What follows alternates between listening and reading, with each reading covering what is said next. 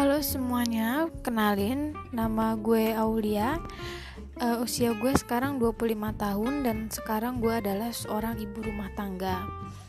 Uh, Gue punya anak laki-laki berusia dua setengah tahun dan sekarang alhamdulillah lagi hamil anak kedua dan sehari-hari gue cuma jadi ibu rumah tangga aja.